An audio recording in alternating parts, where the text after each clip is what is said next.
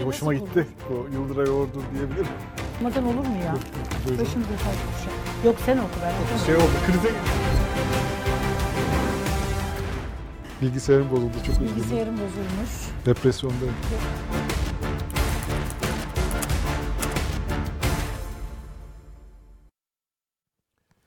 Bir karar verdi. Tekrar karşınızdayız bugün. Ee, Bugün Elif yine rahatsızlığı devam ediyor. Maalesef yok. Önümüzdeki haftadan itibaren burada olacak. Bugün bir, karar verdi.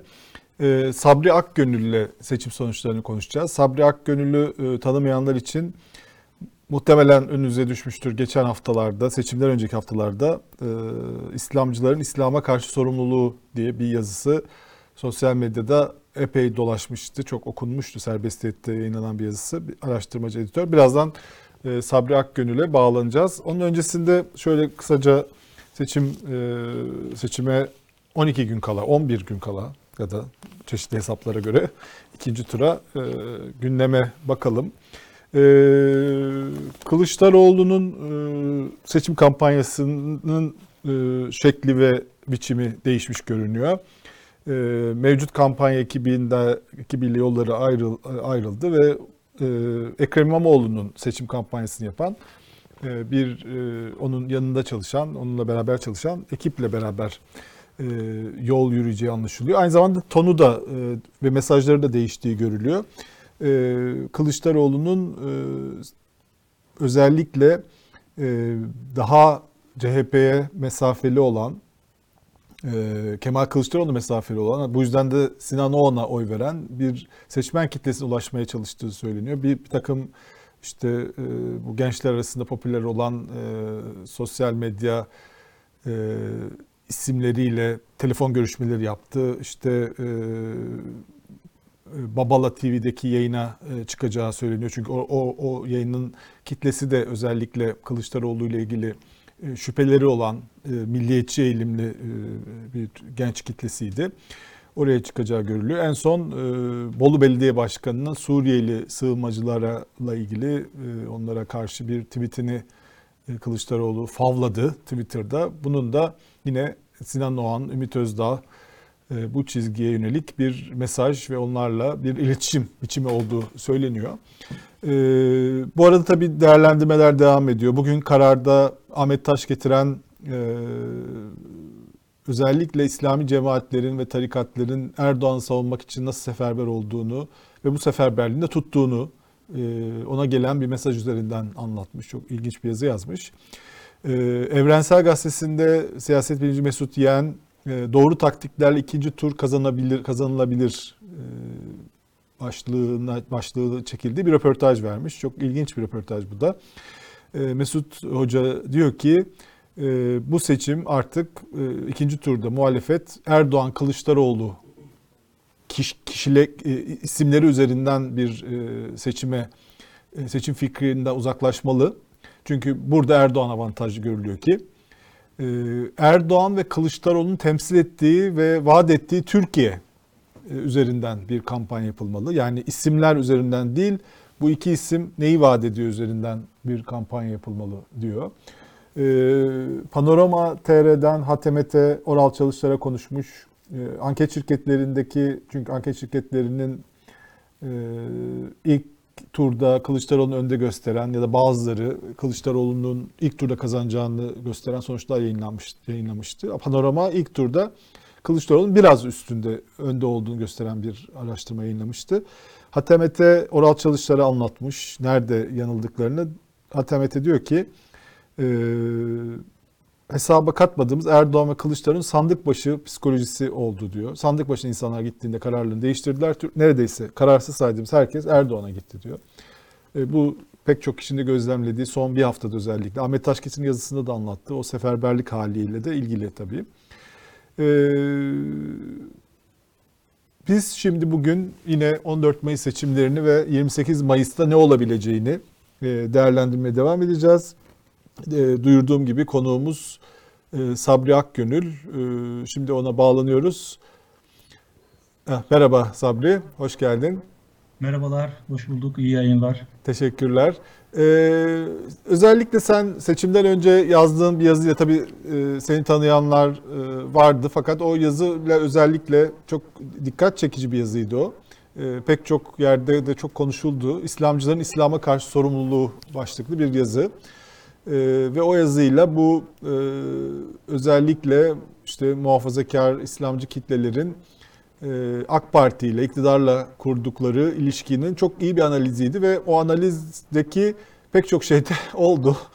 E, Gerçekten büyük bir seferberlik oldu. Bugün e, Ahmet Taşgetiren'in de e, yazdığı gibi bütün tarikatlar, cemaatler, İslamcı bilinen, muhalif bilinen isimler Erdoğan'a destek açıklamaları yaptılar ve e, ve bu da işe yaradı. Yani çünkü zaten arada çok büyük bir fark yoktu.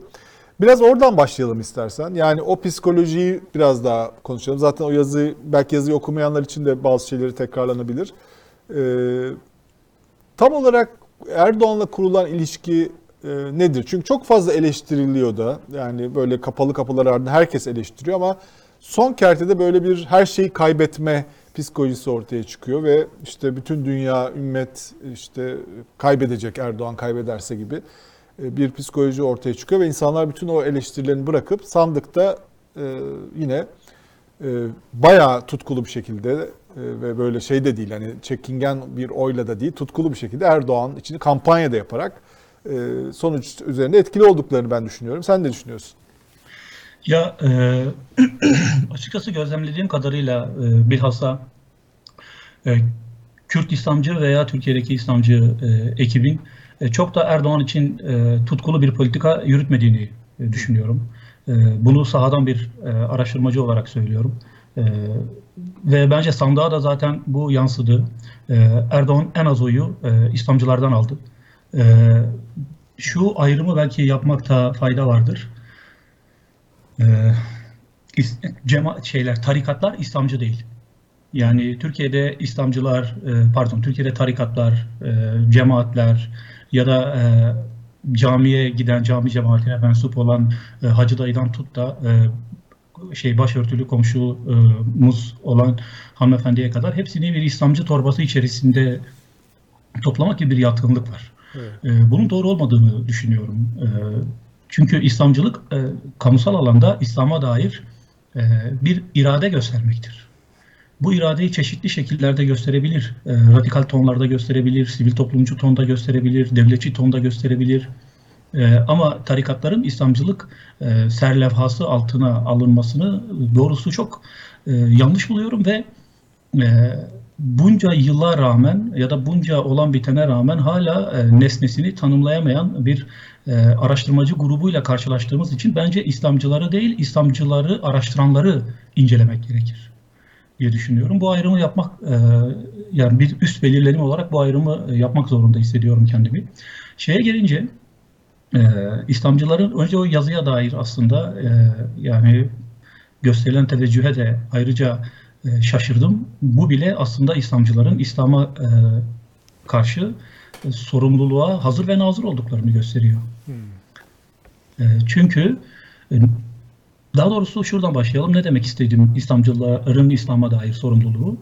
E, modern dönemde yaşıyoruz ve Türkiye e, son AK Parti iktidarlarıyla birlikte yaklaşık son 20-21 yıldır, çok özür dilerim, e, son 21 yıldır ciddi bir kapitalist gelişme yaşadı. Çok çok hatta çok büyük yani kendisine nazaran e, bakıldığında Demokrat Parti ve ANAP'ın bütün kapitalist gelişme hızını e, geride bırakan, e, kentleşme hızını geride bırakan en önemlisi taşra ile büyük şehirler arası farkı neredeyse minimalize eden yani büyük ulaşım kapitalizmiyle birlikte minimalize eden sıcak para akışını çok hızlı bir şekilde gerçekleştiren ve taşradan büyük şehire e, akan e, sermayeyi e, büyük şehirde tutmayı da başaran bir bir ekonomi politik ortam yarattı. Ve e, böylesi bir ortamda e, bir din nasıl yaşayabilir? Şimdi böylesi bir ortamda bir dinin kendisini var edebilmesinin yolu ikidir. Eğer bu din küçük bir dinse, söz gelimi Budizm gibi yahut Yahudilik gibi e, ya da Avrupa'nın bazı ülkelerindeki Hristiyanlık gibi, eğer bu din küçük bir dinse, e, bu din kendisini cemaat ya da tarikat mantıkları içerisinde, o şemalar e, içerisinde var kılabilir. Ama bu İslam gibi çok geniş bir dinse ve Türkiye'de de hani e, çoğu kere tevekkeli bir şekilde söylediğimizde %90'dan fazla Müslümanız. Müslüman olmayanların da kendisini bir İslam kültürü, bir İslam medeniyetinin parçası hissettiğini biliyoruz. E, bunu hem dildeki yansımalardan hem yaşam pratiklerinden, yani mesela bayramı kutlamayan kaç kişi vardır? E, diye ki bu bayram dini bir bayram vesaire vesaire başka şeyler de örnek verebilirim de konumuz o değil. E, İslamcıların ya bu İslam yani din dini İslam e, Türkiye'de e, bunca modernleşme, bunca şehirleşme ve bunca e, kapitalist gelişmeden sonra nasıl bir din olarak varlığını sürdürebilir ve bu kadar da geniş bir e, mümin tabanına sahip bir din. E, modern modernlik ve modernite bize bir şey öğretti. O da toplumu ikiye ayırıp e, sivil toplum ve politik toplum diye ikiye ayırdı ve esas dinamizmin sivil toplumda olduğunu bize gösterdi. Politik toplumda karar alıcılar vardır, bürokrasi vardır, hatta askeri bürokratik zümre vardır ve politik toplumda ise iktidarın çıkarlarından başka hiçbir kutsallık yoktur. Yani politik toplum e, devlet adını verdiği e, mekanizmanın tüzel kişiliği için önüne gelen herkesi silindir gibi ezebilir. Türk-Kürt, Türkiye özelinde konuşursak Türk-Kürt onun için fark etmez. E, İslamcı ya da Müslüman ya da gayrimüslim onun için fark etmez. O kendi tüzel kişiliği için tehlike arz ettiği kim varsa onun üzerinden e, onu imha edebilecek her aygıtı geliştirebilir. Bu yüzden politik toplumun yüzü soğuktur, katıdır ve tabii ki de acımasızdır. Bunu mesela Türkiye'de e, çok çeşitli yönleriyle gördük. Ama politik, sivil toplum tam da politik toplumla arasına mesafe koyabildiği oranda inanılmaz güçlü bir dinamizme sahiptir. Ve din, bütün dinler, gayrimüslimler için de söylüyorum, Müslümanlar için de söylüyorum. Dinler kendilerini sadece ve sadece sivil toplumda en saf, en yalın, en indirgenemez şeklinde var edebilirler. Eğer modern dünyada sivil toplumun içerisinde e, kendisine bir örgütlenme, bir dinamizm ve bir yaşam fırsatı bulamayan bir din ya devletin yani politik toplumun e, politik toplumun e, kapı kuluna ve bekçi bekçiliğine soyunur ki Türkiye'de nispeten olan bu ya da yok olur ki, ki Türkiye'de yakında olacak olan da bu. Yani dolayısıyla İslamcıları bu işi AK Parti ve Kılıçdaroğlu Türkiye'nin seçimleri vesaireye indirgemektense dönüp bu din nasıl e, hayatta kalacaktır kamusal anlamda. Yoksa bir dini teolojik anlamda korumak zaten Allah'ın e, vaadidir. O, on, onu bahsetmiyorum. O, o daha itikadi ve teolojik bir mesele. Şu anda herhangi bir İslamcı vakıfla ya da herhangi bir İslamcı medrese e, yönet, yöneticisiyle yani gerek müderrisi gerekse de onun yöneticisiyle konuşun ya da herhangi bir İslamcı politik İslamcıyla konuşun. Size mesela 10 yıl öncesine göre, 5 yıl öncesine göre e, hem nitelik olarak hem de nicelik olarak değil mi? Onlar kemiyet ve key, e, keyfiyet, derler. Buna, bunları kaybettiklerini düşünürler. Peki ne oldu da bu kayboldu? Çünkü sivil toplumu boşalttılar. Çünkü politik toplumla mesafelenmediler. Ve çünkü her şeylerini politik toplumun bugün e, politik toplumu bedeninde tecessüm ettiren yani hem etik hem de politik anlamda bedeninde tecessüm ettiren Erdoğan'a emanet ettiler. Bu İslamcıları İslam'dan uzaklaştırdı. Ee, ve aynı zamanda İslamcıları İslami kültür, İslam medeniyeti diyebileceğimiz her şeyden uzaklaştırdı. Ve en önemlisi İslam dininin bütün şeyini, dinamizmini bir yerde donuklaştırıp Erdoğan'a bunu seçimlerde bir sadakat sopası olarak kullanılmak üzere teslim etti. Çok kolay bir şekilde yazımlara dile getirmiştim. Çok kolay bir şekilde Erdoğan bizatihi kendisi ve Erdoğan'ın e, aydın e, organik aydınları bilhassa bunlar ne demek Müslümanlar başörtüleriyle CHP'yi savunmaya başladılar? Ne demek Müslümanlar sakallarıyla ya da hakim yaka gömlekleriyle çıkıp bir Kılıçdaroğlu'na dair pozitif şeyler söylemeye başladılar? Ne demek Kılıçdaroğlu'na destek mektubu yayınlamak hem de İmam Hatip mezunlarının? Böyle bir şey olabilir mi? Siz nankör müsünüz? Değil mi? Bir nankörlük sloganı atıldı onlara dair. Ya da siz haramzade misiniz? Bu çeşitli vesileler de Erdoğan ağzına da pelesenk etmişti. Dolayısıyla e, İslamcılar tırnak içerisinde kendilerine dair Erdoğan'ın dairesinin dışında, politik dairesinin dışında herhangi bir kelam ettiklerinde onlara ya siz nankörsünüz ya da haramzadesiniz deniliyor. Bu niye öyle? Yani Türkiye nasıl bir yer haline geldi ki Erdoğan İslamcıları bu denli e, sopayla tehdit edebiliyor. Kaldı ki ufak bir parantez uzatmak istemiyorum ama e, Erdoğan İslamcılara ilk defa e, bu bahsettiğim politik toplumun soğuk yüzünü ve sopasını göstermiyor. Mavi Marmara'da bana mı sordunuz dediğinde aslında tam da o siyasal iktidar ile sivil toplumcu yetkisini yavaş yavaş kaybetmeye e, başlayan İslamcılar arasındaki o eşitsiz güç dağılımıydı. Çünkü bana mı sordunuz sözüne karşı durdular ve dediler ki sustular hatta. Yani sana sormamız mı gerekiyordu gibi bir ifadede bile bulunamadılar. Herhangi bir cürete bulunamadılar ki o zaman e, hem e, İHA olsun hem diğer e, İslamcı e, hareketler ve vakıflar olsun bugüne nazaran daha sivil, daha dinamik ve daha güçlüydüler. O gün bile yapamadılar. E, peki ne, bu bütün bunlar bütün bunlar e, neden oldu? Yani Türkiye nasıl bir yer ki İslamcılar bu kadar hem şeyin hub'ı e, politik toplumun iktidarın hub'ını oluşturuyorlar. Onlar için bir destek hem de kendiliğinden bir destek. Yani elde var bir destek oluşturuyorlar. Hem de içlerinden e, çok azı bir ses, aykırı bir ses çıkardığında büyük bir endişeye kapılıp eyvah şimdi bu aykırı sesler, gençler, yaşlılar, aykırı sesler bizim içeride sadakatle büyüttüğümüz kitleyi ayartabilir, onları e, değiştirip dönüştürebilir gibi endişeye sahip. Peki, Niye böyle? e, çünkü çok, çok pardon. Çünkü çünkü İslamcılar Erdoğan'ın gözünde bir yığındırlar. Yığınların sadece ve sadece kazanımları olur.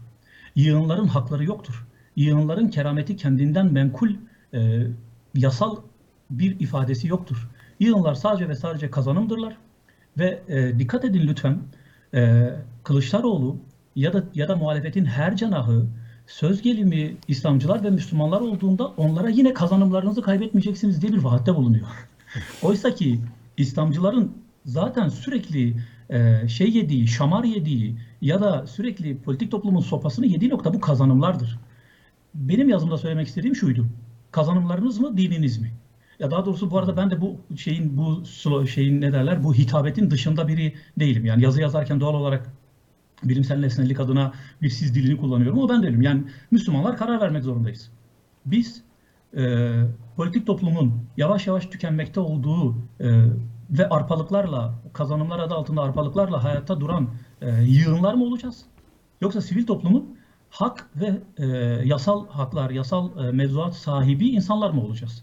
Bu ikincisini tercih ettiğimizde hem Türkiye'yi demokratikleştirip Türkiye'nin e, özgür vatandaşları olacağız hem de dinimizi geri kazanacağız. Yani aslında dini İslam'ın İslamcılara yeniden gelebilmesinin önü modern bir dünyada ve kapitalist gelişme aşamasında bulunan Türkiye'de olduğumuzdan ötürü sivil toplumdur diyeyim. Buyurunuz. Evet. Evet, çok teşekkürler. Şimdi e, tabii bir sürü konuşacak şey nokta var bunlar üzerinde. Biraz daha açalım bunu. Sonra e, diğer biraz daha seçim analizlerine doğru da gelelim ama bu yani seçimle de doğrudan ilişkili çünkü. E, peki burada sadece bir e, Erdoğan'la kurulan ilişki yani ona devretmek, bütün e, iradesini ona devretmek, bütün İslamcılığın temsilcisi, İslam adına iyi şeyler yapmanın temsilcisi olarak Erdoğan'ı görmek. O yapar zaten diye ona böyle bir e, şey vermek yani yetkiyi vermek.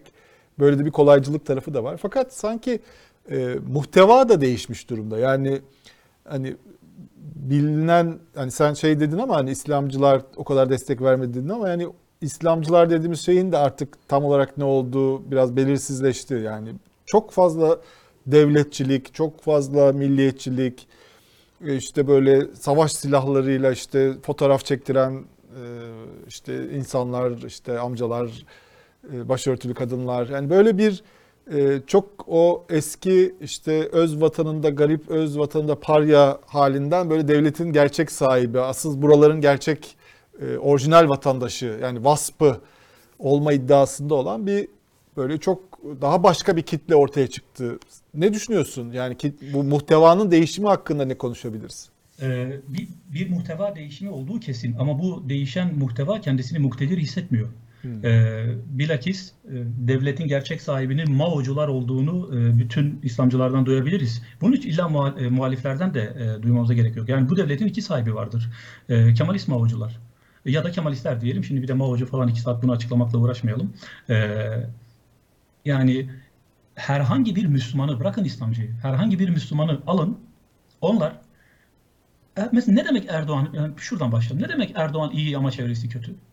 Hmm.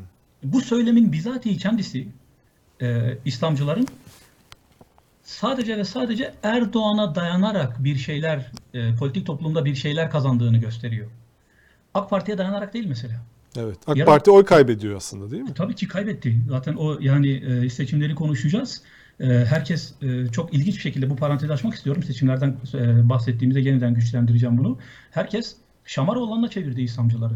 Yani İslamcılar AK Parti'ye %10 oy kaybettirdi. Bunu hiç kimse hesaba katmıyor. İslamcılar %10. kaybettir diyorsun. MHP'ye o zaman MHP ve Yeniden Refah Partisi'ne mi gittiler? Hayır, e, Yeniden Refah Partisi'ne giden %3'lük bir kesim var. E, şimdi çok komik bir şey var aslında. Bugünkü yazımda da yazdım 14 Evet. Mayıs te- tezlerinde. Yani herkes bir, bir e, e, koro halinde MHP'nin kazandığını söylüyor. MHP 2018 seçimlerine göre oylarını %1 kaybetti. Evet. Geriledi. AK 50 Parti bin oy azalmış görünüyor MHP'de. E, tabii ki de Evet. ve bu yüzde bir oy e, yani şeye vurduğunuzda e, MHP seçmen kitlesine vurduğunuzda çok kritiktir. Üstelik bu yüzde bir oyun İyi Parti'ye gitmediğini de biliyoruz. Evet. Değil mi? Bunu gördük. Yani dolayısıyla e, ben e, Türkiye'deki birçok analistin, hani böyle tamamına tamamına diyeceğim de dilim varmıyor. Birçok analistin ya matematiksel anlamda e, seçim sonuçlarını okumadığını ya da zaten o kadar çok e, şeye ikinci birinci turda bitireceğiz de motive olmuşlardı ki artık tamamen e, düşünsel süreçlerine bir şantel indirdiklerini düşünüyorum. AK Parti'nin oyu azaldı, MHP'nin oyu azaldı ve hala biz AK Parti'ye muktedir, şeye e, MHP'ye muktedir ve bir de yükselen milliyetçilik diyoruz. Sanki Türkiye'de bir dönem azalmış gibi bir vaka da e, ne zaman azaldı ki şimdi yükselsin gibi bir vaka da var. Bu parantezi burada kapatıyorum. Yani İslamcılar e, bu seçimin e, Kılıçdaroğlu lehine sonuçlanması için ve AK Parti aleyhine sonuçlanması için %10'luk bir inisiyatif kullandılar. Bunu matematiksel olarak da ispatlayabilirim ki ispatlayacağım. Bunu istatistiksel olarak da gösterebilirim ki benim işim değil ama e, özellikle bir takım istatistik verilerle bunu ispat edebiliriz. Bunu belki konuşuruz. E, ama şeye e, yani sizin az önce sorduğunuz soruya e, gelirsek İslamcılar kendilerinin muktedir olmadığını çok iyi biliyorlar. İslamcılar sadece ve sadece iktidarda Erdoğan sayesinde bir parça yer bulabildiklerini düşünüyorlar. Oysa ki bu e, yanlış bilinç de değil ayrıca.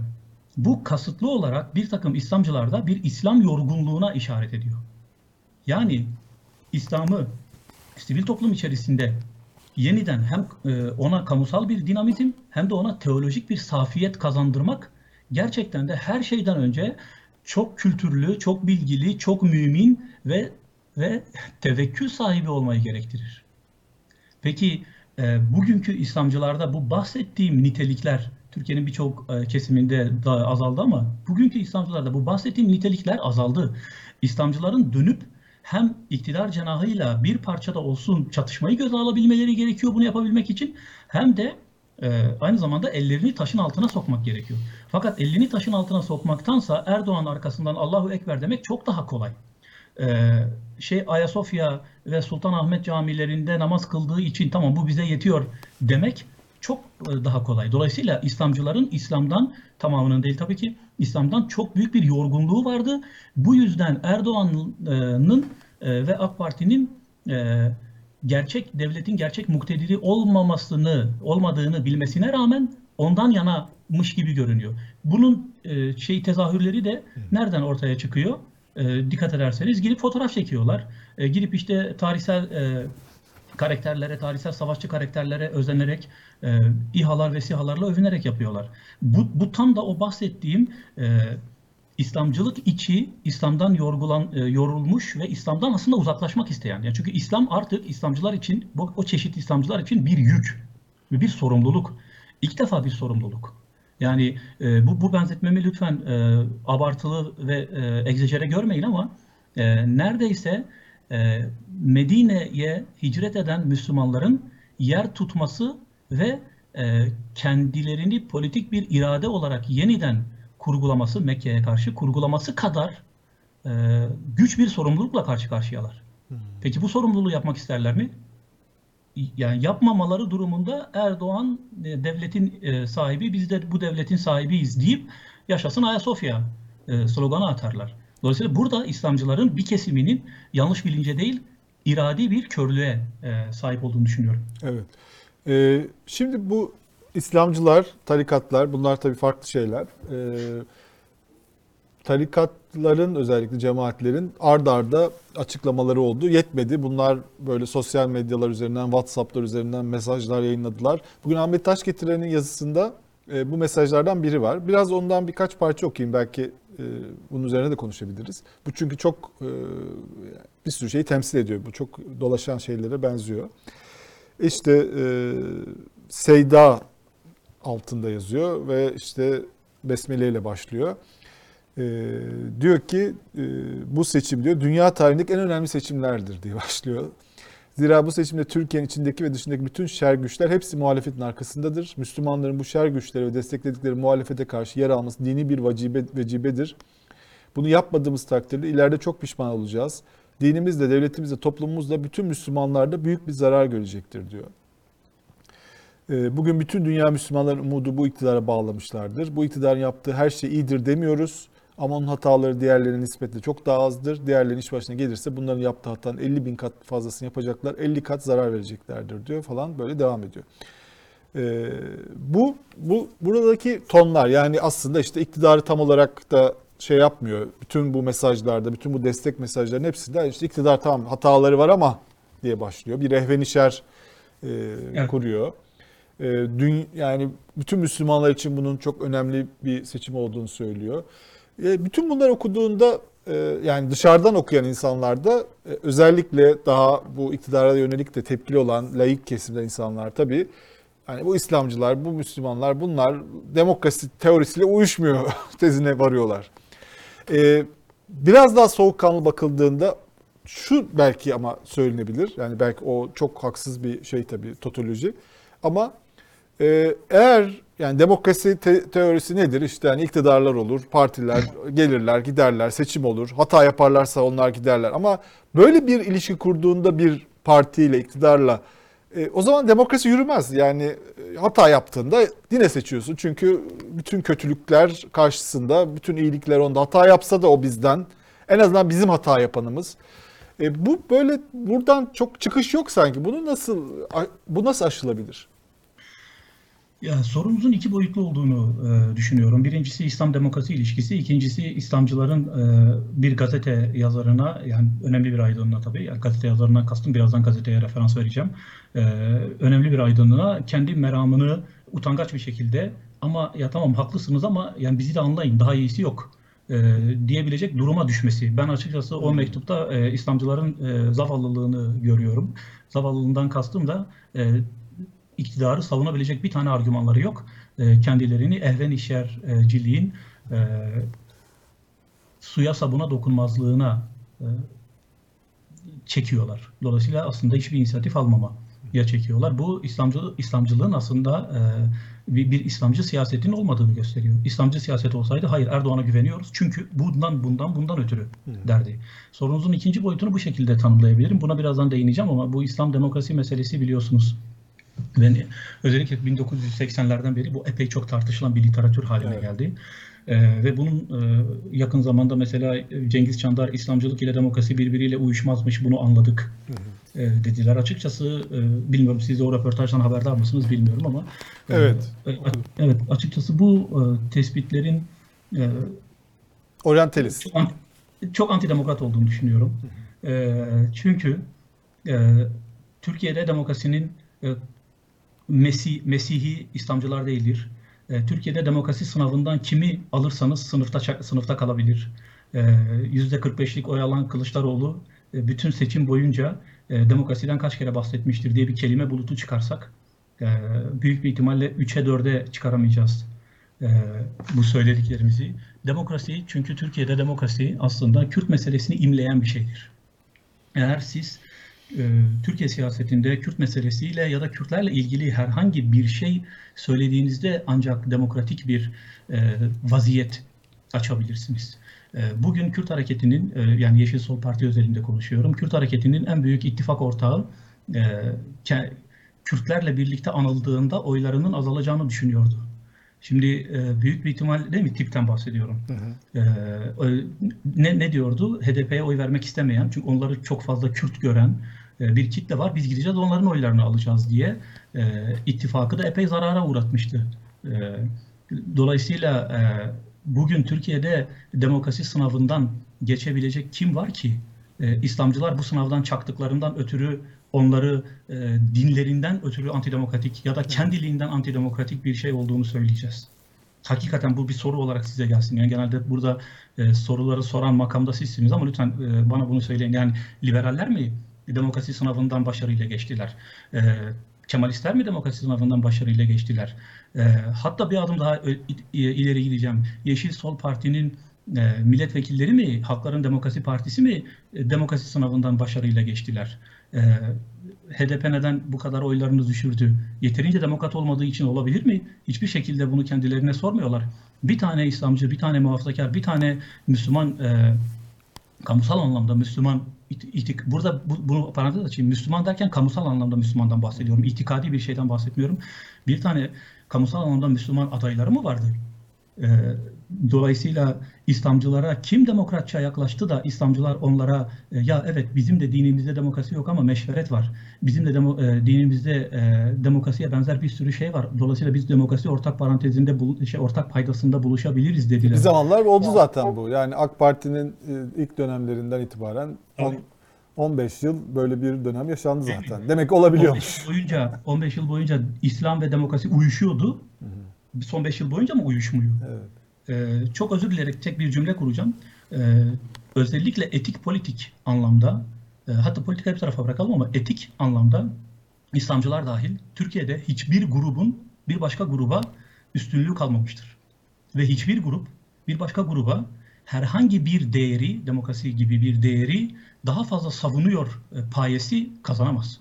Ama peki e, yani AK Parti'nin o ilk kuruluş dönemleri ve e, sonrasındaki böyle reformcu daha işte açılımlar yapan e, o yılları e, daha dışarıya açık olduğu, daha e, kapsayıcı olmaya çalıştığı, başka kesimlerle kapsayıcı olmaya çalıştığı zamanlardı. Şimdi ama şimdiki AK Parti ve e, onun temsil ettiği neyse artık dava böyle çok içine kapanmış, çok böyle içine doğru büzüşmüş, çok yani neredeyse karşı taraftaki ülkenin yarısını bu ülkeye ait olmayan, yani dışarıdan bir yerlerden gelmiş bir e, güruh olarak e, görüyor ve inanılmaz hakaretler işte biliyoruz yani yani büyük bir toplumsal kesimde rencide olabileceği türden. E, orada bir artık değişim yok mu? Yani böyle bir o da bir doğrusal çizgi değil herhalde. Evet var. Çok haklısınız. E, Hatta doğrusal bir değil tam tersi geriye düşüş var. Hem demokrasiden hem insan haklarından hem Türkiye hem de Türkiye'li olmaktan. Yani AK Parti gittikçe bir e, çok geniş ama dar bir clean partisi olmaya başladı. E, Genişten kastım yani homo, homojen e, anlamında dar. Genişten kastım da %35 an itibariyle AK Parti için artık %35'lik bir e, tanımlama yapabiliriz. Fakat şöyle bir durum var. Yani bugün AK Parti'nin niteliğini hakikaten ilk bakışta e, AK Parti'ye bakıldığında İslamcı, en azından eski İslamcı, Müslüman e, bir portre çiziliyor. Oysa AK Parti bugün Kemalizmin e, son noktasıdır.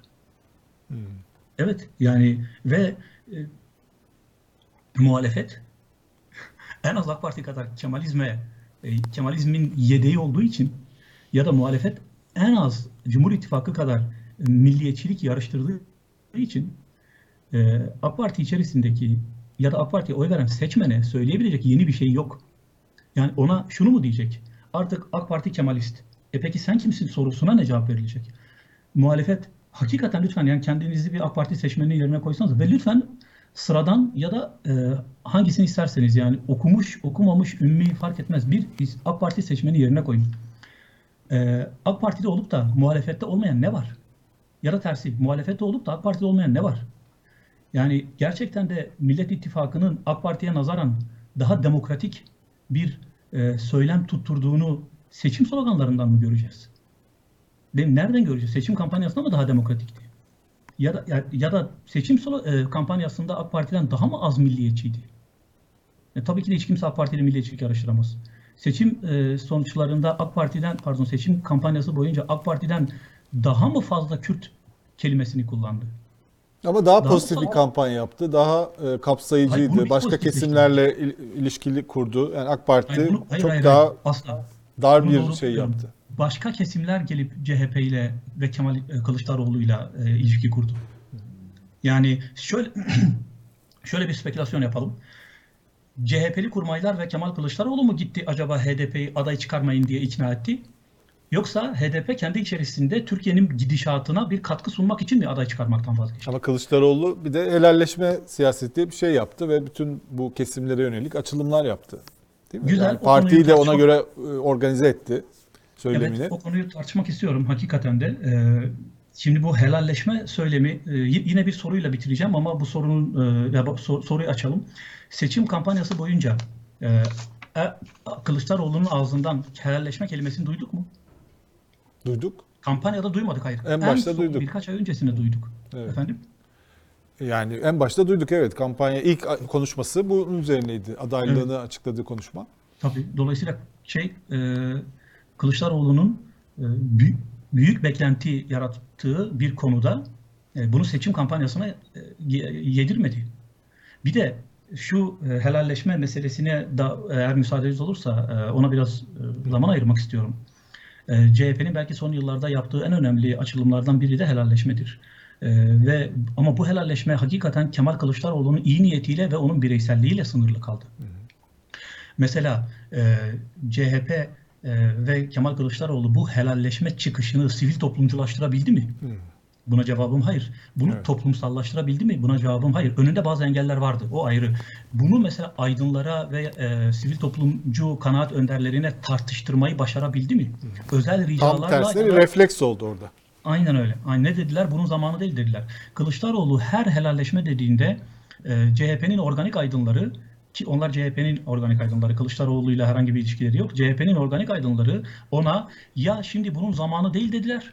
Ya da bu mesele hesaplaşma geçmişte dediler. kaldı. Hesaplaşma gerek dediler. Evet ya da hesaplaşma deyip bu mesele geçmişte kaldı dediler. Dolayısıyla Kılıçdaroğlu'nun hesap e, helalleşme söylemi hiçbir zaman güncel bir bir politik etkinliğe dönmedi. Ya geçmişin konusu ya da geleceğin konusu. Geleceğin konusu şimdi e, derdimiz başımızdan aşkın. Bunlarla mı uğraşacağız? Geçmişin konusu o sen geride kaldın e, çıkışıyla e, karşı karşıya kaldı. Ve bunu herkes yaptı. Bunu yani isim vermende bir sakınca var mı bilmiyorum ama İslamcı mahalleyi çok iyi bildiğini söyleyen Medyaskop temsilcileri de yaptı. Yani ve, ve kızdılar. Yani sinirlendiler. E, Bunun zamanı mıydı dediler. E, Kılıçdaroğlu'nun helalleşme söylemini ben savundum, siz savundunuz. Yani belki biz, biz serbestiyet yazarları, beni de serbestiyet yazarı olarak kabul edin lütfen. Biz serbestiyet yazarları olarak sevindik. Ve ne yaptık? Bunu, bunu aşırı savunduk. Ee, yine sizin programınızda izlemiştim. Kartal İmam Hatip Mezunları Derneği'nden gençler, ilk defa oy kullanacak olan gençler. Bir sürü risk alarak yani endişeden, korkudan, burs kesilmesinden, e, kamusal e, dışlanmadan, kendi içinde bulunduğu arkadaş e, ve e, akraba ortamından dışlanmayı göze alarak Kılıçdaroğlu'na e, destek beyanatında bulundular. Peki e, bu sizce CHP cenahında, Kılıçdaroğlu cenahında nasıl yankılandı? Siz- Daha basit bir örnek vereyim. AK Parti bu ülkede Kürt açılımı yaptı. Ve çok pozitif sonuçlandı. AK Parti Türkiye'de e, Kürt açılımı, çözüm süreci, barış süreci her neyse bir politik hamle yaptığında aydınlar bunu her Allah'ın günü tartışıyordu. AK Parti Kürt açılımı yaptığında sivil toplum örgütleri bunu her Allah'ın günü tartışıyordu. Evet. Akil Adamlar diye bir komisyon kurulmuştu. AK Parti Kürt açılımı yaptığında, e, Yıldıray Bey, AK Parti Kürt açılımı yaptığında müzisyenler, şarkıcılar AK Parti'ye destek Çoktan bestelerini yapmışlardı evet. E- Efendim? Çoktan onlar bestelerini yapmış. Tarihçiler Tabii. bütün e, tarihi ortaya dökmüşlerdi. Bravo, bravo. E, Tam da buradan bahsediyorum. Kürtçe şarkı söylediler. Peki Kılıçdaroğlu e, helalleşme dediğinde biri Bismillah diyerek bir şey mi başladı? Biri herhangi bir hani protest bir e, neşit yani ilahi mi söyledi? Ve çok daha enteresan bir şey söyleyeyim. Türkiye'de e, İslamcı olmayan ve e, neşitler yani ilahi e, ilahiler söyleyen tek grup grup yorumdur. Bunun da ötesi yoktur.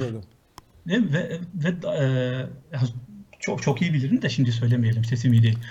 E, yani demek istediğim helalleşme e, gerçekten de sizce de bir adamın iyi niyetinin ötesine geçebildi mi? Sivil toplumculaşabildi mi? Kamusallaşabildi mi? Şimdi ve çok da enteresan e, bütün CHP zaten CHP'nin en büyük krizi organik aydın krizi. Yani CHP'nin onu savunabilecek ya da CHP'nin politik eylemini, etkinliğini savunabilecek, bunu kitlelere ulaştırabilecek bir organik aydın yokluğuyla malul. Ee, bu organik aydın krizi olduğu müddetçe e, CHP'yi ancak ve ancak e, hiçbir şekilde CHP'li olmayan ama Türkiye'nin demokratikleşmesi CHP'nin demokratikleşmesinden geçer diyen bizim gibi insanlar savunur. Biz de iyi savunuruz. Allah var. Mesele o değil ama. Mesele onlar bizim yazdıklarımızı okumayacaklar. Dolayısıyla Kılıçdaroğlu'nun helalleşme çağrısının işe yaramamasının sebebi bu bir çağrı olmaktan kaldı. Ve e, hem CHP'li aydınlar hem de CHP seçmenleri hem de doğrudan CHP'li partizanlar, parti mensupları helalleşme çağrısının kitleselleşmesini CHP ile müttefik olan İslamcı partilere bıraktı. Evet. Bu adı konulmamış bir görev dağılımı olarak geldi. Ve bunu yaptılar. Halbuki onların yapması lazımdı. Tabii ki. Çünkü problem o. Yani zaten biz helalleştiğimiz için sizinle birlikteyiz. E bir de gidin bizi kitlelere mi anlatın dediler. Ki yaptılar. Ben e, yani Bu hatta şu anda da bir suçlamaya dönüşmüş durumda. Yeterince e, o partilerin performansı işte Deva Gelecek, Saadet Partisi'nin yeterince performansı yeterli bulunmuyor. Ben buna muhalifin bastırılmış kindarlığının 14 Mayıs seçiminden sonra e, ayyuka çıktığını e, çıkması olarak yorumluyorum. Yani e, Türkiye'de çok kindar bir muhalif e, prototip var. En az en az Erdoğancı İslamcı kadar kindar, e, en az Erdoğancı İslamcı kadar saldırgan, en az Erdoğancı İslamcı kadar apolitik e, bir muhalif kitle var ve bu muhalif kitlenin varı yoğu e, İslamcı tartaklamak. Varı yoğu e, bir yerde e, İslamcıların e, ya da Müslümanların size yatırım yaptık ama boşa gitti. Mesela düşünebiliyor musunuz? 14 Mayıs'tan sonra en çok tartışılan şey ya İslamcılara bir sürü milletvekili kaptırdık. Yani bu, böyle bir söylem var ve bu söylem aydınlar düzeyinde dile getirildi. Bu söylem e, adı sanı bilinmedik, adı çıkmış şeyden çok özür diliyorum. Bu, bu türcü tanımlamadan çok özür diliyorum ama nakli küfür küfür değildir. E, bana ait değil. Bu adı çıkmış e, Kadıköylü teyze e, İslamcılara çok fazla e, ya da Müslümanlara bir sürü e, milletvekili kaptırdık hiçbir işe yaramadı Demiyor. demiyor. Evet. Bunu doğrudan onların aydınları söylüyor. E, yani bence yeterince konuştuk. Helalleşme çağrısının başarısız olması e, Kılıçdaroğlu'nun engellenmesi e, yönünde atılmış bir hamleydi. E, bir şey daha söyleyeyim. e, Sonra belki bunu açarım. Bana göre Kılıçdaroğlu'nun en büyük eksikliği e, yani bir bir entelektüel olarak, bir araştırmacı olarak e, bunu söylemeni söyleme ehliyetine sahip olduğumu ve bunu belirtme e, cüretine, haddine sahip olduğumu düşünüyorum. Kılıçdaroğlu'nun en büyük eksikliği rakiplerini değil dostlarını tanımaması. Kılıçdaroğlu e, kendisin, kend, dost bildiklerinden kendisini korusaydı biz onu rakip bildiklerinden korumak için yeteri kadar çabalamıştık. Bizden kastımı kendimle sınırlayayım da e, yanlış anlaşılmasın. Evet. Şimdi e, bugünkü yazında da aslında bu da ilginç. E, yine serbestiyete çıkan yazında e, Erdoğan'ın aslında e, iktidarını Kemalistlerin desteğiyle koruduğunu, onu Kılıçdaroğlu'ndan hiç hoşlanmayan, onun yapmaya çalıştığı şeyden hoşlanmayan Kemalistlerin desteğiyle e, koruduğunu, Erdoğan da onlara yaslandığını e, söylüyorsun. E, hatta ama bu Kemalizmde dediğin şey bildiğimiz Kemalizm tarifi de değil. Bir de geniş bir Kemalizm tarifi bölüm var. O da çok ilginç. Artık geriye bu Kemalizmden de sadece Türk milliyetçiliği e, oku kaldı diyorsun ve Türk milliyetçiliğine ibaret artık. Ve bu aslında bu kesim Kılıçdaroğlu'na olan öfkesiyle Erdoğan'a destek vererek onun iktidarın korunmasına neden oldu. Erdoğan da bunun farkında diyorsun. Bunu biraz konuşalım. Kesinlikle tabii. Hatta e, yani yazıda şunu diyorum. Erdoğan'ın kurtuluşu e, Kemalistler sayesinde vuku buldu. Aslında bu Evet. aslında seçimde de e, yani dört aday vardı. 3 aday aslında Kılıçdaroğlu'na karşı e, söylemlerle bulundu. Yani Erdoğan. İnce ve Oğan bütün aslında söylemleri esas vurguları Erdoğan'a değil Kılıçdaroğlu'na yönelikti aslında. Tabii. Yani dolayısıyla Erdoğan'ın bir rakibi vardı, Kılıçdaroğlu'nun üç rakibi vardı. Evet. Ve Üç rakibin ortak özelliği Kemalizmdi. Ee, Kılıçdaroğlu'nun e, sloganı neydi? Ee, Ürkek bir şekilde dile getirildiği demokratikleşme, ee, çok daha ürkek bir şekilde dile getirmekten bile artık vazgeçtiği helalleşme ve çok canlı bir şekilde, çok güçlü bir şekilde bahsettiği Şampiyonlar Ligi ekonomiyi kurtaracağız. Değil mi? Ee, şimdi şunu söyleyelim. Ee, ekonomiyle seçim kaybedilir ama ekonomiyle seçim kazanmaz. Bugün Türkiye'nin geldiği e, ayrım Ekonomiyle de kaybedilmiyormuş ama o da ortaya çıktı. Aha dolayısıyla. Evet ama yani şöyle yok abi kaybediliyor. Çünkü bakın %35'e düştü. Düştü. Diğeri yüzde bir kaybetti. Ee, şey seçilemedi. Ee, 2018'de e, 2017 referandumda alabildiği oyu alamadı. Dolayısıyla e, ona da iktidar kaybettirdi. Hiç de öyle düşünmüyorum. Yani e, şöyle bir durum var. E, İktidar kaybettirilir e, ekonomiyle ama iktidar kazanılamaz. Çünkü e, bugün Türkiye'nin açmazı ve kör düğümü şudur. İktidar kaybetmiyor, muhalefet kazanmıyor.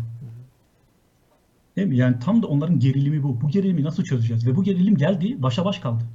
Evet. Yani 45 ile 49 ki bütün seçim e, sürecine dair ya da seçim gecesine dair bir sürü şaibeye rağmen ki bu şaibeler e, olgusal bir gerçeklik atfediyor. Çünkü insanlar seçim gecesi bir birçok katakulli olduğunu düşünüyor ve insanlar bunu düşünüyorsa, bir sürü katakulli olduğunu düşünüyorsa bu da e, muhalefetin bir sorumluluğudur. Buna da belki değiniriz.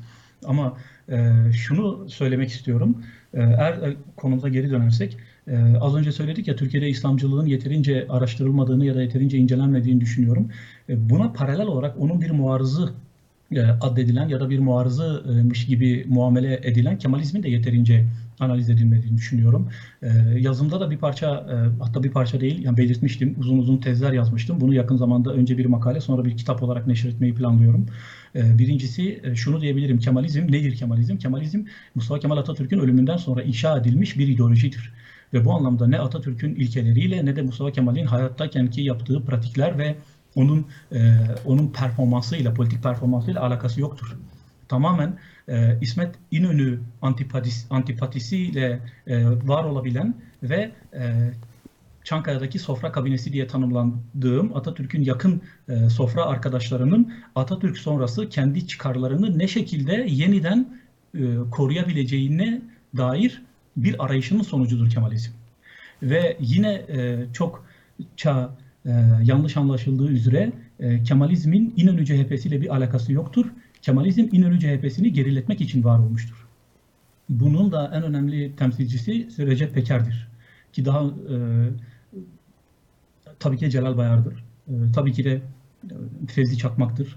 E, tabii ki de sonradan 27 Fuat Mayıs Köp- sonrası. Köprülü, Adnan Menderes, Reşit Koraltan keza bu isimler. Bunları sabaha kadar sayabilirim. Yani şu anda hakikaten de Demokrat Parti'nin gerek kurucu kadrosunu gerekse de 1950 yılındaki muktedir e, kabinesine bakın. E, orası Kemalistler resmi geçit töreni gibidir.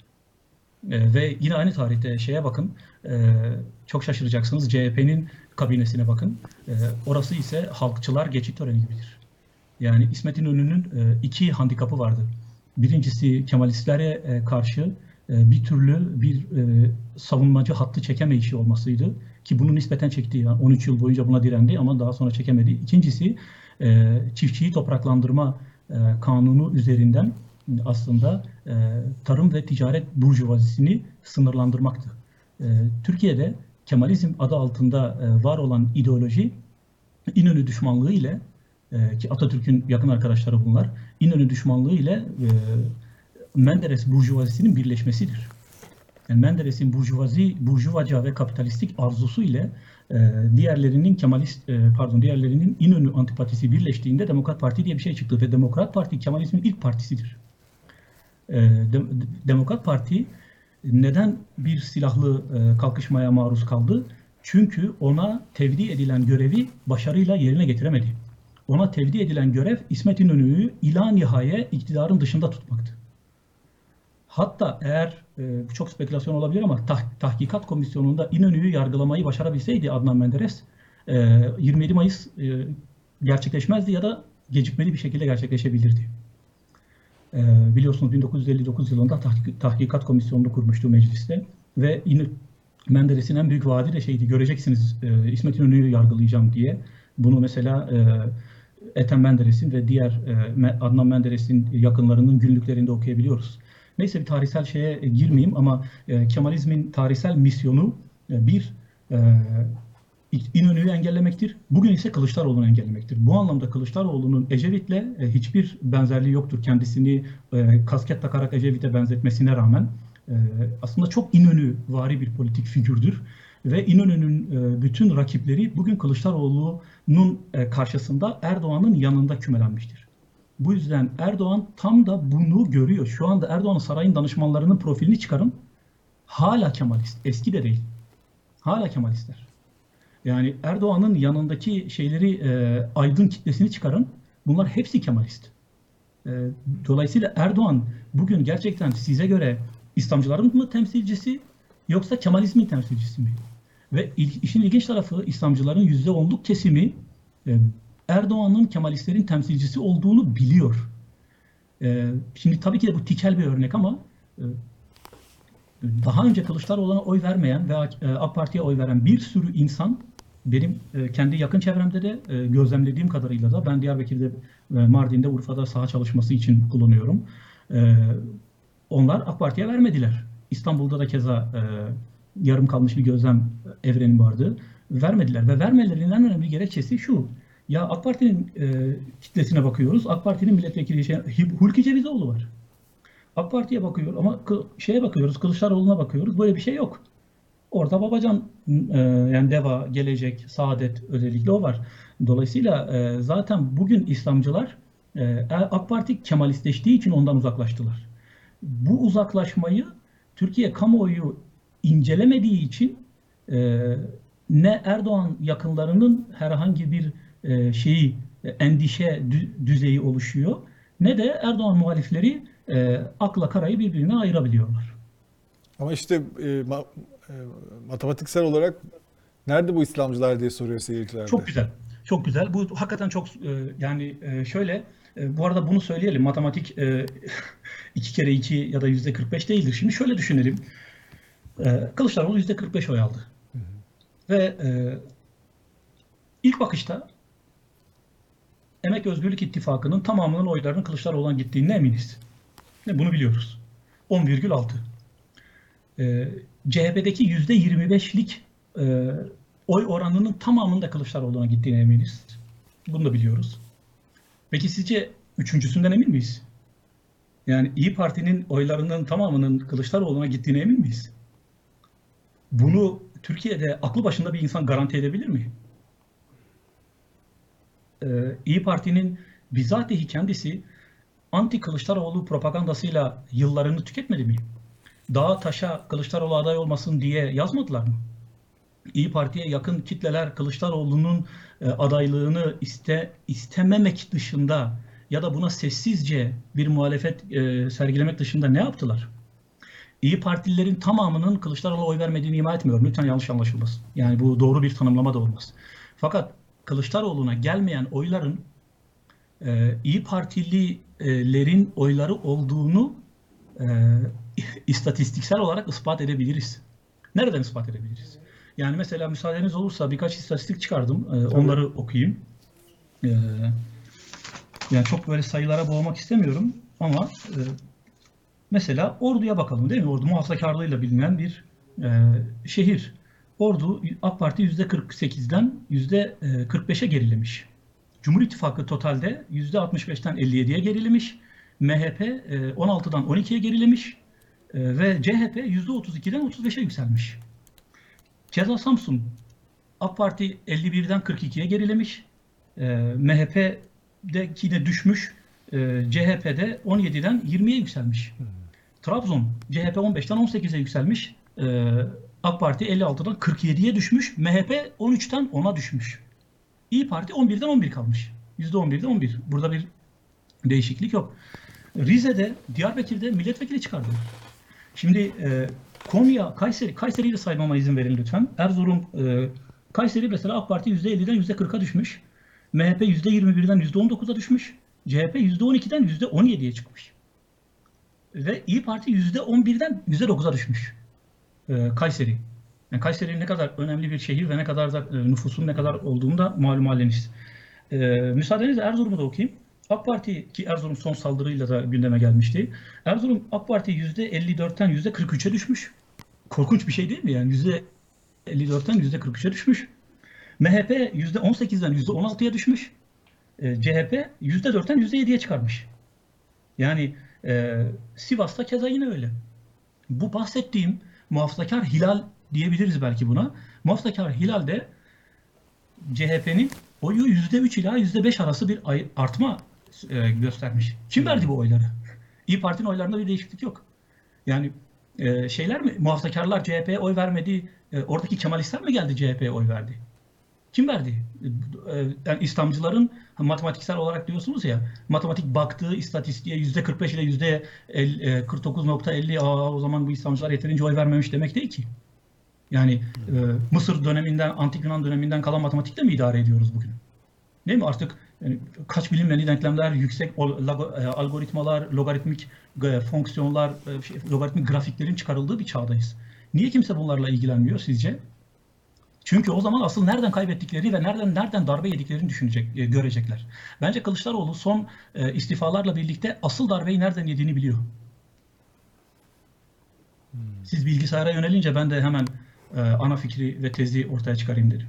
Eyvallah. Yok ben e, biz bir şey var, araştırma var ona bakıyordum. E, 75 ilde e, Kılıçdaroğlu ve CHP oylarını arttırmış görünüyor Evet. bu şey Ne, ne bu? Yani kim verdi bunları? Ama yeterince arttıramadığı için o tabii %45'te kaldı ve e, %25'te kaldı. Şöyle, şuna eminim. Türkiye'de CHP içerisindeki mesela CHP'nin oyu %22'den %25'e yükseldi. Ee, 2018 e, genel seçimlerinden 2023 genel seçimlerine 3 puan arttırdı. Bu artırmanın 3'ü %3'ü zaten silme muhafazakarlar. Silme muhafazakar bunu biliyoruz. Ee, benim tezim Kılıçdaroğlu'nu blokaja uğratan Kemalistlerdir. Ve bu Kemalistler Kılıçdaroğlu'na CHP'ye oy vermeyerek Kılıçdaroğlu'nu e, ikinci tura mahkum edip onu e, onu çok tüccarca ve çok ilkel bir pazarlığa e, maruz bırakmak istediler ki bu oldu. Oluyor şu anda. Yani tabii oluyor aynen öyle. Ve ben CHP'nin içerisinde yüzde üçlük bir e, Kemalist oy kaymanın yarısının tipe, yarısının da e, şeye e, İyi Parti'ye kaydığını e, okuyabiliyorum istatistiklerden. Yani e, bir, de şöyle bir durum da var Yıldıray Bey yani bir araştırmacı önüne sunulan verilerden metodolojik bir şüphe duymalıdır. Önüne sunulan verileri doğru kabul etmemelidir ya da bir veriyi yeniden kurmalıdır. E, Türkiye'deki en büyük bu akademik bir yatkınlık ve bu akademik bir maraz. Türkiye'deki araştırmacının en büyük eksikliği. Ben o yazıda bu yüzden baş- başlangıç vuruşu niyetine e, uzun bir didaktik açıklama yaptım. Türkiye'deki araştırmacı tipolojisini ikiye indirgedim ve buradan nasıl çıkabiliriz'e dair bir şey söyledim. Bugün Türkiye'deki araştırmacı önüne sunulanı e, gözlemlemekten ibaret. Ama gözlemi herkes yapar. Allah aşkına yani benim kör ninem de gözlem yapar. Mesele e, gözlem yapmak mıdır? Önüne sunulan verilerden hiçbir şekilde şüphe duymayan, bu verileri başka türlü bir istatistiksel şemaya aktarmayı bilmeyen ya da istatistikler grafikleri e, tablo halinde düşünmeyen, yani bir veriyi başka türlü bir e, şeye tezin ve düşüncenin içerisinde harekete geçirmeyen bir araştırmacı tabii ki de ampirik bir indirgemeciliğe ve aklını gözüne e, indirger. Yani o sadece gördüğünden ibarettir, duyduğundan ibarettir. Bu yüzden gider e, büyük bir şehvetle İslamcı tar- tartaklar. Evet. Yani bu e, görünen kompozisyonun aslında e, şu anda üzerinde yorumlar yapılan, işte suçlamalar yapılan e, bir içerikte olmadığını, başka türlü bir içerikte de olabileceğini rakamlarla e, görülebileceğini söylüyorsun. Bu çok ilginç tabii. Yani tabii bilmiyoruz tabii kimin nereye oy verdiğini ve kimin aslında nereye e, oy vermediğini ancak Ama- ama e, şöyle- ama istatistiklerle şöyle yani- bulabiliriz. kolektif bir analiz yapmamız mümkün. Bu Evet. istatistik bilimi gelişmiştir. Bu, bunu gösterebiliriz. Yani şu anda ben hani bir istatistik şirketi e, danışmanı olarak burada olsaydım e, bir sürü şemalar falan çıkarabilirdim ki mesela ben bu kendi verilerimi kendim çıkarıyorum. E, çünkü bana sunulan veriye e, dair radikal bir şüphem var. Evet. Çünkü bana sunulan verinin hem kaynağı zaten şaibeli hem de verinin amacı çok de, son derece ideolojiktir. Evet. Herkes o e, kendi ben- şeyine göre yorumluyor bunu şu anda tabii ihtiyacına E, göre. tabii, tabii. Ve şunu da söyleyebilirim hocam. Eğer e, İslamcılar Kılıçdaroğlu'na oy vermeseydi Kılıçdaroğlu e, Ekmelettin İhsanoğlu'nun aldığı oyu bile alamazdı. Peki şimdi e, ikinci tur var. E, 11 gün sonra 28 Mayıs'ta. E, burada ne olacak? Yani işte pazarlıklar var. İşte e, Kılıçdaroğlu'nun söyleminde bir revizyonla gittiği görülüyor. E, tam olarak ne olacağını görmedik tabii ama hani buna yönelik işaretler var.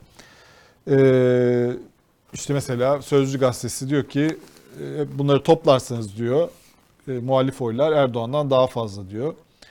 E, böyle bir hayal kırıklığı da var. Büyük bir hayal kırıklığı. Anketler çünkü e, son ana kadar Sizin hayal kırıklığı dediğiniz şey, bölüyorum özür dilerim. Sizin hayal kırıklığı dediğiniz şey ben murayilik diyorum.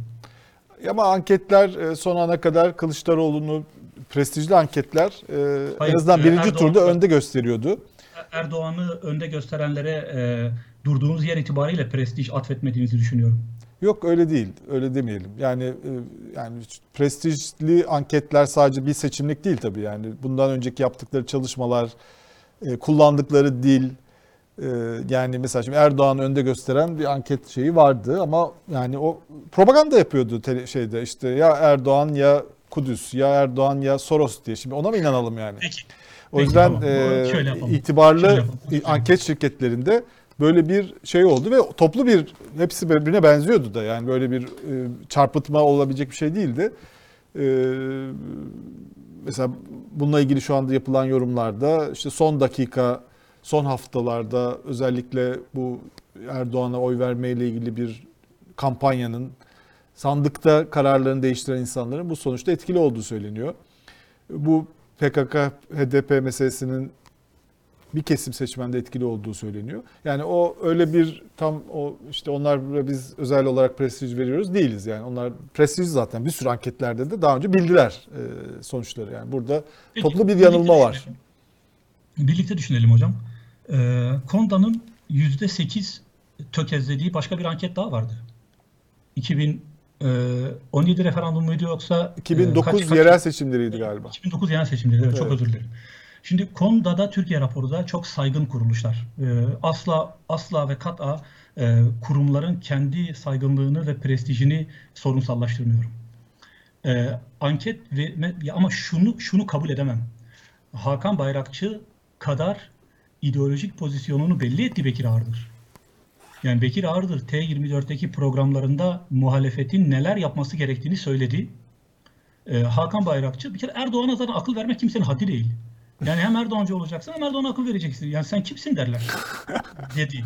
Ama muhalefete çok kolay bir şekilde akıl verebilirsin. Çünkü zaten muhalefet hem demokrat bir şekilde hem de buna muhtaç. Muhalefet yani her önüne gelen muhalefete akıl veriyor mesela. Yani sizce gerçekten Türkiye'de muhalefete verilen akılları toplasak buradan köye yol olmaz mı? Muhalefet tarafı daha çok sesli. Biraz da o dezavantajı da dönüşebiliyor.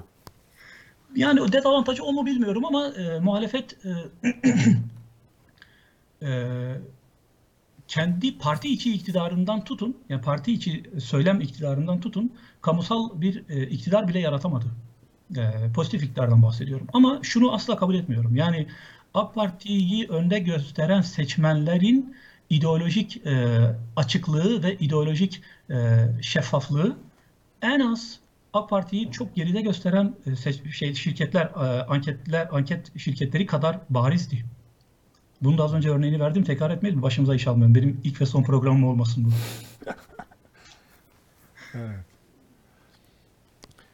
Ee, peki bu taktik işe yarayacak mı şu anda 28 Mayıs'ta Kılıçdaroğlu'nun söylem değişikliği ya da ittifakları değiştirmesi tepkiye neden Hayır, olur mu? yaramayacak. Hı. E, çünkü kağıt üzerinde duran her şey e, pratikte işlemez. Kağıt üzerinde mükemmel olan e, şeyler pratikte büyük bir hüsranla sonuçlandırılır. Çünkü e, şu anda bütün Kemalist milliyetçiler, daha doğrusu Kemalistler çünkü Türk milliyetçiliğini Kemalizm asimile etmiştir. ve Kemalizm artık Türk milliyetçiliğinden, etnik Türk milliyetçiliğinden ibarettir. Onun aydınlanma, kültür, halkçı, cumhuriyet gibi bir şeyi yoktur. E, bir ilkesi yoktur. Bu yüzden bütün Kemalistler başkanlığa tavdırlar. E, bunları uzun uzun anlatmak e, mümkün ama belki e, bu programın konusu değil. Ne kadar vaktimiz var onu da bilmiyorum. Ama e, şunu... Buyurun. Bir miktar vaktimiz daha var bir 10 dakika. Aa, güzel 10 dakika yeter bana. Ee, bugün e, Kılıçdaroğlu eğer e, bir milliyetçilik yapması gerektiğini anladı. Ama bu milliyetçiliğin demokratik bir milliyetçilik olması gerekir. Eğer Kılıçdaroğlu en az iktidar kadar etnik ve dışlayıcı bir milliyetçilik yaparsa bu iktidarın propagandasını yapmaktan başka bir işe yaramaz. Bakın Kürtleri kaybeder falan hiç demiyorum. Kürtler Türkiye'nin en olgun seçmen kitlesidir ve zorunluluğun mantığını kavramışlardır. Kürtler Sinan Oğan'a razı gelir. Sinan Oğan Kürtlere razı gelir mi? O ayrı.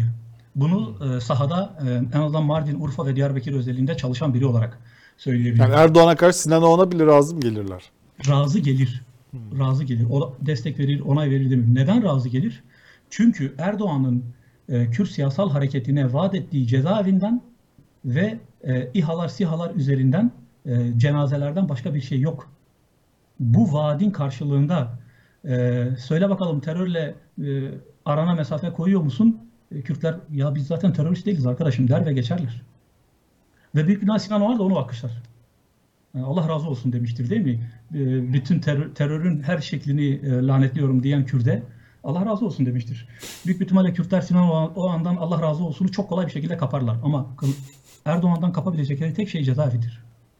Bu yüzden e, Kürtler çünkü tarihsel akışın ve tarihsel e, Türkiye'nin selametinin e, zorunluluğunu anlamışlardır. Ve bunu hiçbir şekilde pazarlık konusu yapmamışlardır. Belki YSP ve Kürtler bahsini e, birazdan açarız.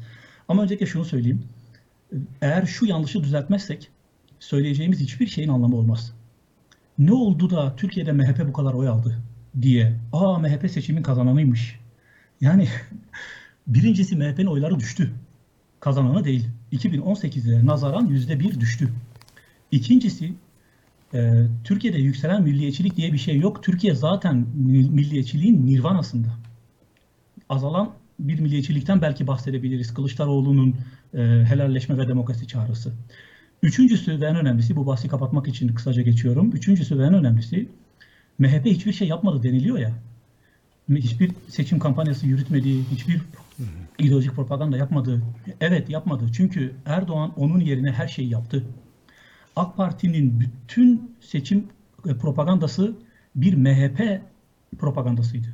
AK Parti'nin bütün e, seçim kampanyası e, başlı başına bir MHP zaferinin garantörlüğüydü. E, şeyden tutun. Yani bakın AK Parti'nin seçim kampanyasındaki ka- şeylere bakalım. Başlıklara. Güvenlik, terör, bölünme, Demirtaş öcüsü, Demirtaş terördür, özerklik, LGBT. Bütün bunlar hepsi MHP'de tecessüm eden ideolojik bir bedendir.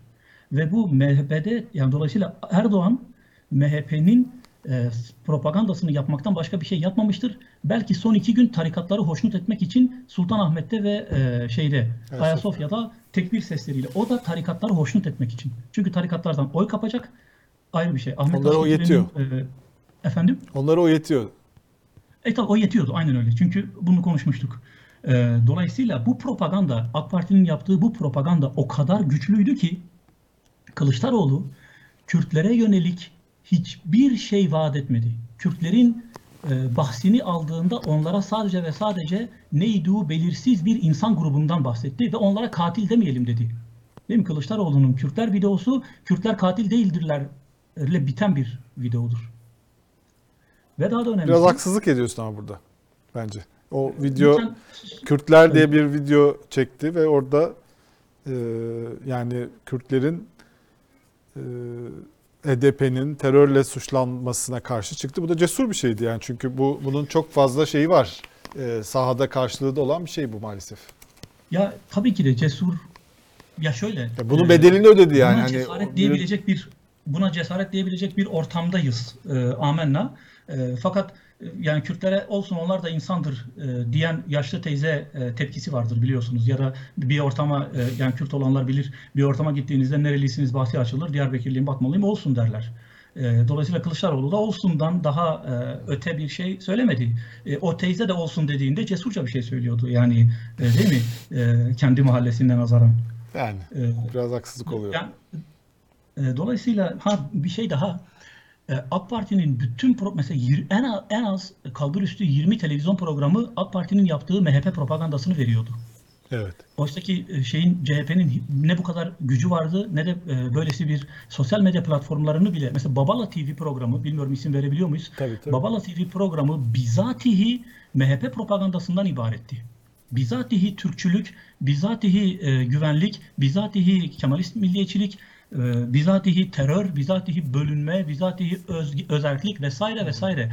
MHP'yi parti olarak var kılan her şey medyalarda ve sosyal medya, yani ana akım ve sosyal medya platformlarında kulağımızı sağır edercesine duyuldu.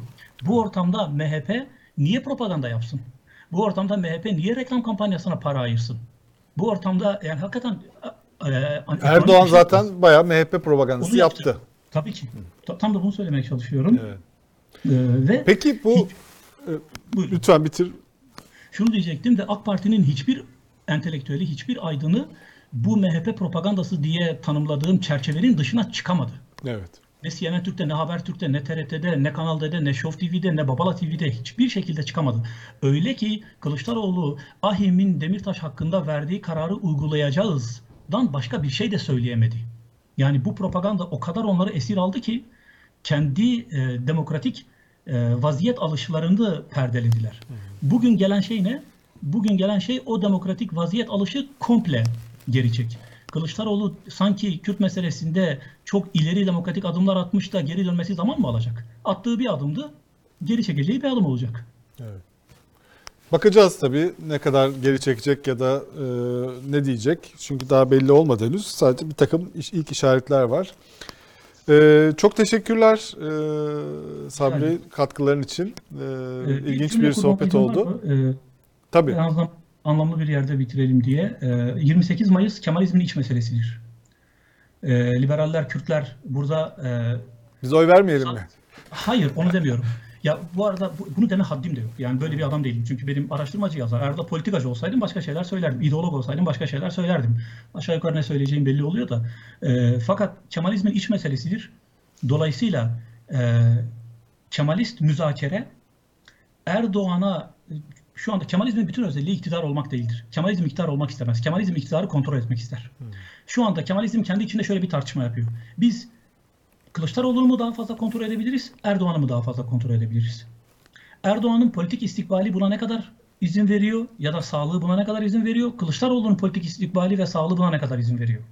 Kemalistler ikisi arasında bir tercih yapacaklar. Bu anlamda Kemalizmin iç meselesidir. Ee, ve Kemalistler hangisi daha yüksek düzeyde bir kontrol vaadi, kontrol edilme sözü verirse ona yatırım yapacaklar. Evet. Bakalım ne olacak. Çok teşekkürler. Ee, çok ben sağ ol. teşekkür ederim. Ağzına sağlık. Görüşmek üzere. Sürçülisan eylediysek affola diyelim. Estağfurullah. Çok teşekkür Allah'a ederiz. Evet, e, bir karar verin. Bugün de sonuna geldik. Aslında bu haftayı bitirmiş olduk. Önümüzdeki hafta tekrar burada olacağız. Hepinize iyi günler.